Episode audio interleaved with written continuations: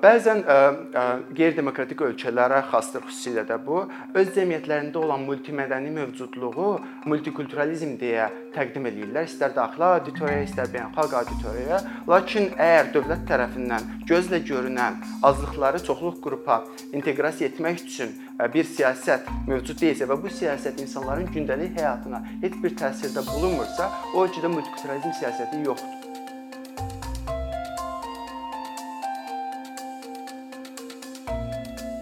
Bu gün sizə multikulturalizmdən danışacağam.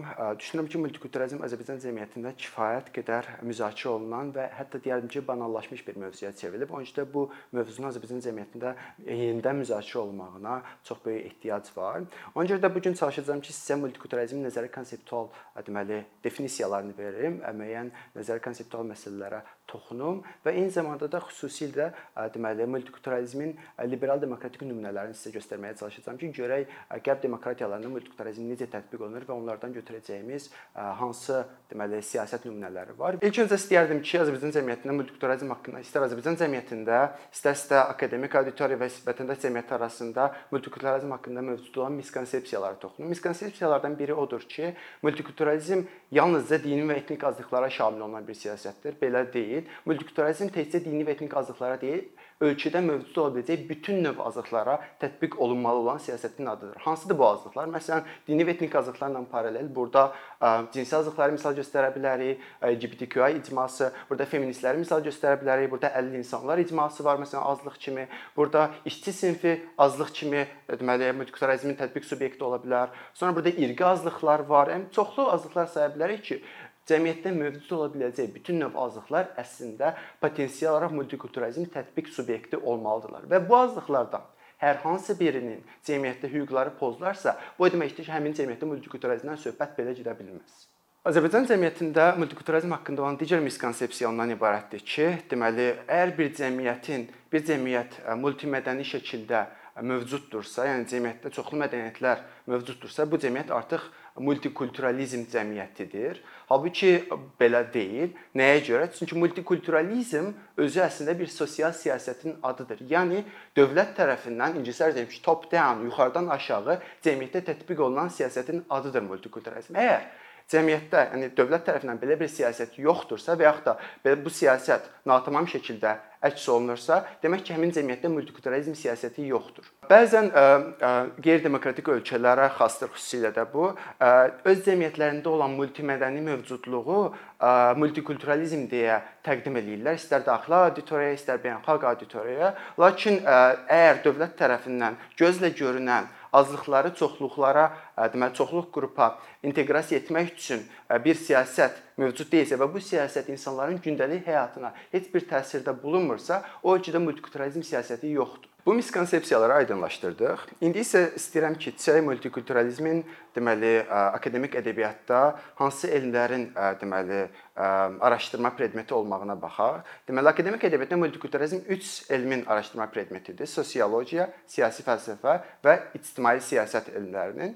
İlk öncə məsələnin sosioloji sosioloji tərəfdən məsələyə yanaşaq. Sosioloji olaraq, məsələn, sosioloji ədəbiyyatlarda qarşılaşa biləcəyiniz epitetlər adları sayım. Məsələn, multikultural, multimədəni bu kimi sözlər görəcəksiniz sosiologiyada və bu sözlər deməli cəmiyyətdə dövlət siyasətinin nə olmasından asılı olmayaraq, əgər o cəmiyyətdə deməli tarixi inkişaf prosesi nəticəsində bu və ya digər səbəblərdən cəmiyyət özünü multimədəni şəkildə formalaşdıra bilibsə, biz o cəmiyyətləri multimədəni və ya multikultural cəmiyyət adlandırırıq. Yəni ki, sosioloji olaraq multimədəni və ya multikultural sözləri termin deyil. Bunlar epitetlərdir.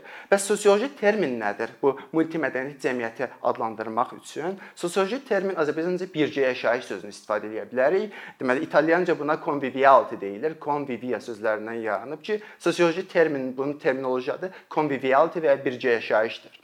Əgər biz multikultural və ya multimədəni epitetini izm əlavə eləyiriksə, bu artıq keçir olur siyasi fəlsəfənin və sosial siyasət elmlərinin araşdırma predmetinə. İndi isə gərək ə, e, siyasi fəlsəfənin və sosial siyasət elmlərinin multikulturalizmə yanaşmasına. Az öncə söylədiyim kimi, bu elmlərin yanaşması odur ki, multikultural sözünə izm əlavə edərsək, e, multikulturalizm şəklində bu artıq çevrilir olur dövlət tərəfindən cəmiyyətə yuxarıdan aşağı şəkildə tətbiq olunan siyasətin adına. Yəni ki, Belə deyim də, siyasi fəlsəfədə ə, belə bir debat var idi və bu debat hələ də açığı davam eləyir. Debat ondan ibarət idi ki, deməli kommunitar filosoflar iddia eləyirdilər ki, icma hüquqları fərdi hüquqlardan daha vacibdir. Ə, individualist filosoflar iddia eləyirdilər ki, fərdi hüquqlar icma hüquqlarından daha vacibdir və fərdi hüquqların ən yüksək səviyyədə olmağı artıq kifayət eləyir ki, o fərd özünü cəmiyyətdə istədiyi kimi realizə eləyə bilsin. Və bu debat ə, müəyyən illər davam etdikdən sonra artıq deməli liberal filosoflar özləri də yavaş-yavaş xüsusən də bu miqrasiya miqrasiya axınlarından sonra liberal demokratiyalarda istər Kanada olsun, Avstraliya, Yeni Zelandiya, İsveç, Britaniya, Niderland kimi ölkələrə miqrant axınları artmağa başladı. Sonra bu ölkələrdə eyni zamanda digər adını saydığım azlıqların da öz deməli ehtiyacları və tələbləri artmağa başladı və bu tələblərdən irəli gələrək deməli liberal filosoflar da yavaş-yavaş anlamağa başladılar ki, deməli fərdi hüquqlar qədər də icma hüquqları vacibdir. Nəyə görə vacibdir? Çünki azlıqların nümayəndəsi olan o fərdlər özlərini böyük bir cəmiyyətdə, çoxluğun içində realizə eləyə bilməyi üçün onların deməli daşıdıkları o azlıq mədəniyyətinin də deməli icma kimi hüquqları qorunmalıdır ki, onlar o icmanın içində özlərini realizə edib daha böyük bir cəmiyyətə çıxaraq o cəmiyyətin içində də itibat olmasınlar, orada da özlərini realizə eləyə bilsinlər. Məsələn, çox xırda nümunələr verə bilərik. Təsəvvür eləyin ki, hər hansı bir cinsi azlığın nümayəndəsidir.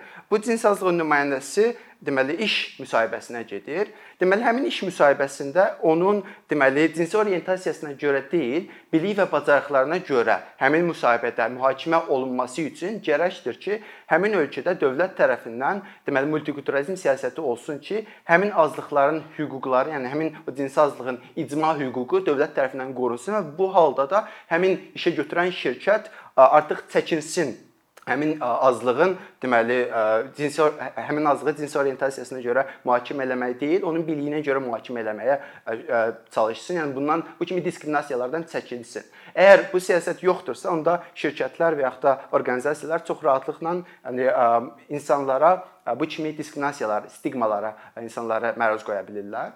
Və yaxud da dini azlıqdan olan bir şəxsi götürək. Təsəvvür eləyin ki, bir dindar bir şəxsdir və o müəyyən bir iş iş vaxtı, yəni break vaxtı müəyyən bir dini ritualını həyata keçirmək istəyir. Lakin deməli, əgər o, o dini azlığın nümayəndəsi olan fərdin ə, icma dini icma hüquqları dövlət tərəfindən qorunmursa, çox rahatlıqla həmin şəxsin öz dini ritualını yerinə yetirmək istəkləri məsələn şirkətlər tərəfindən məhdudlaşdırıla bilər və yaxud da ictimaiyyət tərəfindən məhdudlaşdırıla bilər. Buna görə də yenidən bu multikulturalizm siyasətinə ehtiyac var ki, adını çəkdiyim bazıqlar və bütün növ azadlıqlar ki var, onların hamısının icma hüquqları dövlət tərəfindən legislativ olaraq qorunmalıdır ki, deməli şirkətlər və yaxud da ictimaiyyətin müəyyən nümayəndələri onların hüquqlarını deməli pozmaqdan və onlara qarşı diskriminasiya eləməkdən çəkinsinlər. Buna görə də liberal filosoflar artıq onlar da bu konsensusa gəliblər ki, fərdi hüquqlar qədər icma hüquqları da vacibdir və əgər azlıqların nümayəndəsi olan o fərdlərin icma hüquqları dövlət tərəfindən qorunmazsa və buna dövlət dəstəyi olmazsa, onlar çoxluğun içində çox rahatlıqla itibat ola bilərlər və on, hətta itibat olmaq bir kənara onlara qarşı bu və ya digər istənilən stigma və diskriminasiyalara onlar bunlarla üzləşə bilərlər. İndi isə keçək deməli bu siyasətin nə səbəbə və hansı coğrafiyalarda yaranmasının yaranmasından danışaq. Multikulturalizm siyasəti deməli ilk dəfə 1970-80-ci illərdə qərb liberal demokratiyalarında yaranıb. Bunlara misal olaraq Kanadanı göstərə bilər, Avstraliya, Yeni Zelandiya, sonra Britaniya, İsveç, Niderland kimi ölkələr hal-hazırda multikulturalizm indeksi ən yüksək olan ölkələrdir.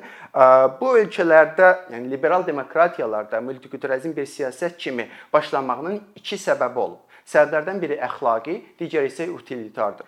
Əxlaqi səbəb ondan ibarətdir ki, liberal demokratiyalar artıq fərqinə varıblar ki, son 100 illiklərdə deməli həyata keçirilən assimilyasiya və deməli qaynar qazan siyasətləri əxlaqi olaraq haqq qazandırıla bilməz və bunlar yanlışdır. Bu məsələnin əxlaqi tərəfi, yəni ki, dövlət öz istən, yəni öz vətəndaşının bu və digər mədəni hüquqlarını qorumağa borcludur və belə bir öhdəliyi var.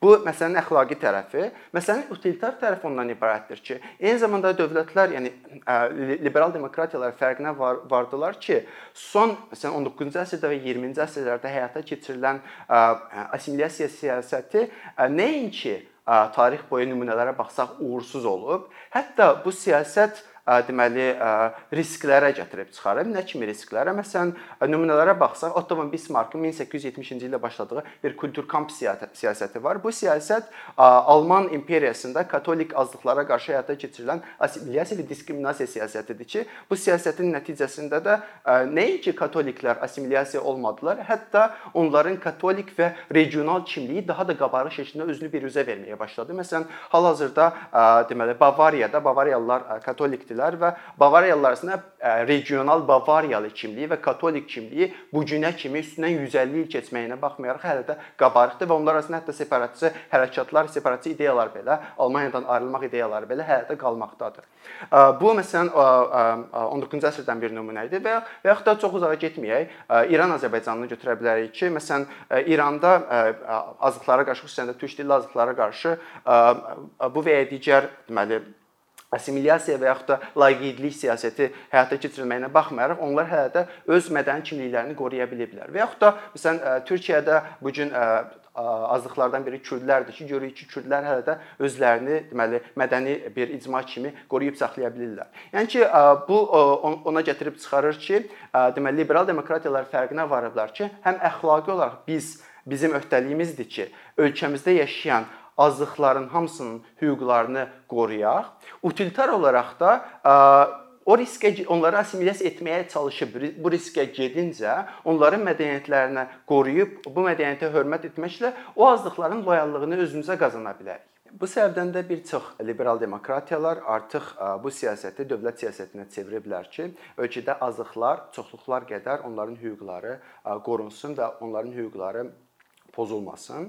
Məqsəd ölkədə mövcud olan istər miqrant azlıqlar, istər feministlər, işçi sinfi, LGBTQI icması, əlilli insanlar icması, irqi azlıqlar, dini azlıqlar, milli azlıqlar və bu kimi adını say saymadığımız bir çox azlıqların hamısı deməli öz azlıq mədəniyyətini qorumaqla deməli çoxluq mədəniyyətinə inteqrasiya ola bilsin. Məsələn, artıq bu ölkələrdə deməli istər yerli səviyyədə, istərsə də yuxarı səviyyədə multikulturalizm siyasətinin deməli nümunələrini görə bilərik. Məsələn, yerli səviyyədə orta məktəb təhsil kurikulumlarında bu liberal demokratiyalarda multikulturalizm öz əksini tapır. Məsələn, azlıqların öz dillərində, məsələn, təhsil hüquqları məsələsi, onların öz mədəniyyətlərini daha yaxşı qavraya bilməsi üçün kurikular deməli məsələlər işlənilib və onlar hazırda kurikuluma tətbiq olunub.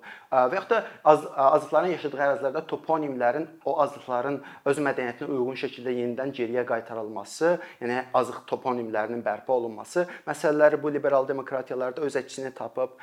Eyni zamanda da yuxarı səviyyədə, yəni məsələn parlamentar, yəni deməli qanunvericilik səviyyəsində deməli ölkə qanunvericiliyi multikulturalizm siyasətinə uyğun olaraq həyata keçirilir. Bu səbəbdən də qərb cəmiyyətlərində deməli adını seçdiyim azlıqlara qarşı olan diskriminasiya və stigma halları ən aşağı səviyyədədir. Təbii ki, onlar da problemsiz deyillər. Bu ölkələrdə də hələ də problemlər qalmaqdadır. Məsələn, ən basit bir neçə il əvvəl qarşılaşdıq Birləşmiş Ştatlarda demə Floyd Royce-un ölümünü məsələn misal göstərə bilərik və bu mediada kifayət qədər hallandı. Lakin demə, demək liberal demokratiyaları qeyri-demokratiyalardan fərqləndirən odur ki, bu ölkələr öz problemlərini örtbasdır eləmək deyil, onları mediada daha da qabartmağa və bunu işıqlandırmağa çalışırlar ki, bu problem tezliklə öz həll yolunu tapsın və bu səbəbdən də biz bu problemləri mediada çox rahatlıqla görə bilirik. Sonda isə sonda isə düşünürəm ki, Azərbaycanda da deməli multikulturalizm siyasətinin deməli həyata keçirilməsi üçün və yaxud da mövcud olan siyasəti perfeksiya etmək etmək üçün liberal demokratik nümunələrdən öyrənəcəyimiz çox deməli deməli istər qanunvericiliyi ilə bağlı, istər icra ilə bağlı çoxlu кейslərə baxa bilərik. Düşünürəm ki, Azərbaycanda sosioloji olaraq multikultural bir yaşayış mövcuddur və bu mövcudiyyətin də səbəbi tarix boyunca istər orta əsrlərdə Azərbaycan ərazisində çoxlu mədəni axınların olmağı, istərsə 19-cu əsrdə xüsusən Çar Rusiyası dövründə Bakının multimədəni şəhərə çevrilməyi və son olaraq da Sovet dövründə Azərbaycanlı kimliyinin formalaşmağı Azərbaycanda multikulturalizm siyasətini həyata keçirmək üçün yetərli qədər sosial baza verir. Yəni Azərbaycanda bu multimədəni sosioloji bir yaşayış mövcuddur. Bəs çatışmayan nədir? Düşünürəm ki, çatışmayan multikulturalizm siyasətinin özüdür. Yəni bu siyasət mövcud olan siyasət ya natamamdır, ya da bu siyasətə çoxlu bu siyasətdə çoxlu islahatlara ehtiyac var. Məsələn, hansı siyasət planı ortaya qoymaq olar? Deməli, multikulturalizm siyasətinin bir parçası olaraq azıqlara, deməli, dövlət dəstəyi. Bu dəstək özünü necə təzahür edə bilər? Məsələn, ən bəsit deməli əlil azıqlar üçün Azərbaycanın iri şəhərlərində deməli şəhər səkilər və şəhər infrastrukturunun yenidən qurulması bu bir siyasət şəklində məsələn bunu eləmək olar. Daha sonra qadın hüquqlarını deməli deməli yaxşılaşdırmaq üçün Azərbaycan İstanbul Konvensiyasına qoşula bilər. Bu da multikulturalizm siyasətinin bir parçasıdır. Və yaxud da deməli cinsi azlıqlar məsələsi var ki, düşünürəm ki, Azərbaycanda ən çox diskriminasiyaya məruz qalan qruplar bunlardır. Onlara qarşı deməli diskriminasiyanı azaltmaq üçün deməli dövlət dəstəyinə ehtiyac var deyə düşünürəm. Daha sonra məsələn regionlarda yaşayan etnik azlıqlar var ki, onların orta məktəblərdə onların dillərinin tədrisi bu dəqiqə həftəyə bir dəfədir. Bunu 2 dəfəyə və ya 3 dəfəyə qaldıra bilər. Və yaxud da qruplar var ki, onların öz dillərində tədris yoxdur. Məsələn, onların dillərində demək nəşriyyatlar çap eləmək olar. Xüsusilə də nəşriyyat məsələsi çox vacibdir. Düşünürəm ki, azlıq dillərində olan o dərsliklərin nəşrinə vəsait ayrılmağına ehtiyac var. Çünki əks halda onlar əcnəbi ölkə xaricindən kitablar gətirib onu tədris etməli olurlar və bu da düşünürəm ki, yəni xarici kurrikulumun ölkədə tədris olunmağı yanlışdır. Və yaxud da liberal multikulturalizm nəzəriyyəsi və bu bu bu deməli siyasəti nəinki universitet səviyyəsində, orta məktəb səviyyəsində də deməli tələbələri istər tələbə heyətinə, istər müəllim heyətinə bunları deməli keçmək olar ki, cəmiyyətin ən aşağı təbəqəsindən ən yuxarı təbəqəsinə kimi istənilən yaş qrupundan olan insanlar bu müxtəlifliyin nə olduğunu anlasınlar və müxtəlifliyi qavrayaraq bu bircə yaşayışa daha da çox nail olsunlar və və yaxud da belə deyək, bu bircə yaşayışı daha da çox perfeksiya eləyə bilək. Və yaxud da liberal multikulturalizm bir nəzəriyyə kimi və bir sosial siyasət kimi deməli universitet səviyyəsində də orta məktəb səviyyəsində də istər şagird və tələbə heyətinə, istər müəllim heyətinə bu dərslik kimi tədris oluna bilər ki, cəmiyyət artıq deməli multimədəni yaşayışın nə olduğunu deməli daha da dərindən qavraya bilsin və bu bu halda da düşünürəm ki, azlıq və çoxluq arasında olan deməli anlaşılmazlıqlar da minimum həddə enər və xüsusilə də müəyyən qruplar var ki, onlara qarşı olan stigma və diskriminasiya halları azalar.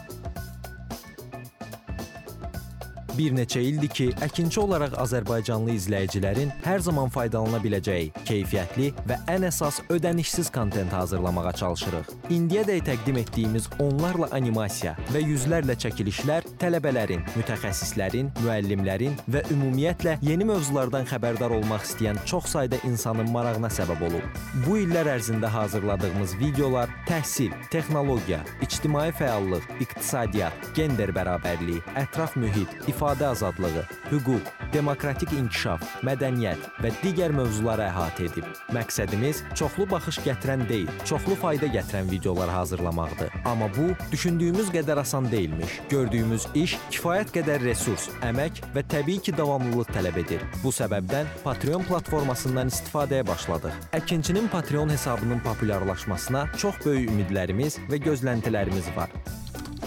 Bəziləriniz Patreon haqqında ilk dəfə eşidirsiniz. Əslində çox sadə izahı olan bir platformadır. Təsəvvür edin ki, siz rəssam və ya musiqiçisiniz. Sosial şəbəkələrdə sizi izləyən, işinizi bəyənən çox sayda insan var. Patreon platforması sizə imkan verir ki, izləyicilərinizin könüllü aylıq ödənişləri sayəsində işinizi davam etdirəsiniz. Sərgi, konsert zallarından asılı qalmayasınız. Amma bu təkcə rəssam və musiqiçilərə aid deyil. Məsələn, əkinçiyə bənzər fəaliyyətlə məşğul olan bəzi layihələrin 10 minlərlə minlərlə patronu var. Biz də düşündük ki, nə üçün əkinçinin Patreon hesabı olmasın? Sizin dəstəyiniz sayəsində biz daha çox və daha keyfiyyətli kontent yaratmağa davam edə biləcəyik. Amma bu dəstək yalnız maddi dəstək deyil. Dəstəkçilərimizin sayının artması gördüyümüz işlərin faydalı olduğuna dair əminlik verir. Patreon platformasından istifadə çox sadədir. Hesabınızı açırsınız, sizə uyğun dəstək növünü seçirsiniz və Patreon özü hər ayın ilk günü kartınızdan seçdiyiniz dəstək növünə uyğun ödəniş tutur. Bu qədər. Sonda onu demək istəyirik ki, dəstəkçilərin sırasına qoşulmaq istəyən, amma məhdud imkana görə bunu edə bilməyənlər narahat olmasın. Daha öncə dediyimiz kimi, bizim əsas məqsədimiz daha çox insanın hər zaman faydalana biləcəyi keyfiyyətli və ödənişsiz kontentin yaradılmasıdır.